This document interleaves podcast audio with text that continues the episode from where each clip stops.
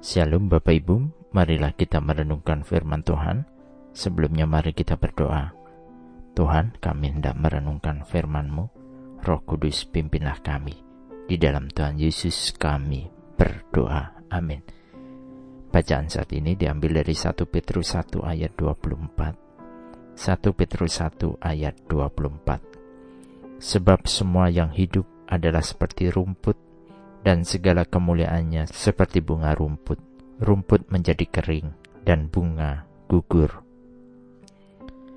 Kehidupan ini ada masanya dan terbatasi. Pada akhirnya semuanya akan berakhir, berakhir pada kematian. Semuanya akan musnah dan lenyap. Walaupun banyak upaya manusia untuk mencoba memperpanjang kehidupan, dengan mengatur umur manusia melalui teknologi dan ilmu pengetahuan, tetapi jika pun itu bisa, tidak akan membuat manusia di dunia ini menjadi pribadi yang memiliki kehidupan yang abadi. Keabadian tidak di dalam tubuh yang fana ini. Oleh karenanya, seperti lanjutan dari bacaan saat ini, keabadian hanya milik Tuhan, seperti di dalam 1 Petrus 1 ayat 25 tetapi firman Tuhan tetap untuk selama-lamanya. Inilah firman yang disampaikan Injil kepada kamu. Yang abadi hanyalah firman Tuhan itu sendiri. Firman Allah yang menciptakan segalanya. Yohanes 1 ayat 1 tertulis, Pada mulanya adalah firman. Firman itu bersama-sama dengan Allah, dan firman itu adalah Allah. Keterbatasan manusia di dalam kehidupannya menjadikan manusia haruslah senantiasa mencari sumber keabadian, yaitu Allah itu sendiri.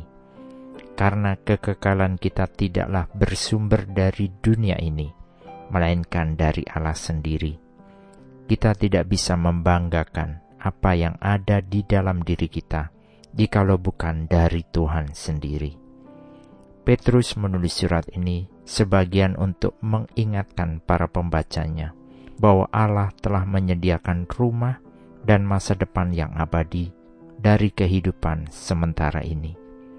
Di dalam Tuhan, kita memiliki harapan akan masa depan tanpa akhir, tanpa batas.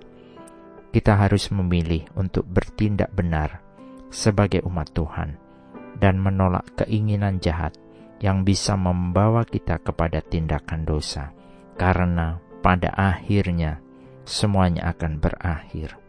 Semuanya akan menghadapi penghakiman dan akan ada di dalam kehidupan kekal. Dikatakan kehidupan itu seperti rumput dan bunga yang bisa kering dan gugur. Jadi, jika kita meletakkan kepercayaan hidup kita kepada Tuhan, percaya bahwa kematiannya di atas kayu salib adalah untuk menebus dosa kita, maka kita akan diampuni dan dijanjikan kehidupan abadi di surga yang kekal. Roma 10 ayat 9 tertulis, Sebab jika kamu mengaku dengan mulutmu bahwa Yesus adalah Tuhan dan percaya dalam hatimu bahwa Allah telah membangkitkan dia dari antara orang mati, maka kamu akan diselamatkan. Amin. Mari kita berdoa. Bapa Surgawi terima kasih ketika kami telah dipilih dan dipanggil masuk di dalam keluarga Tuhan. Kami memiliki warisan kekekalan di dalam Kristus. Pakailah kami sebagai saksi akan firman kebenaran Tuhan, sehingga semakin banyak orang menjadi percaya kepadamu. Segala puji dan kemuliaan bagi nama Tuhan saja. Di dalam Tuhan Yesus kami berdoa dan memohon. Amin. Tuhan Yesus memberkati. Shalom.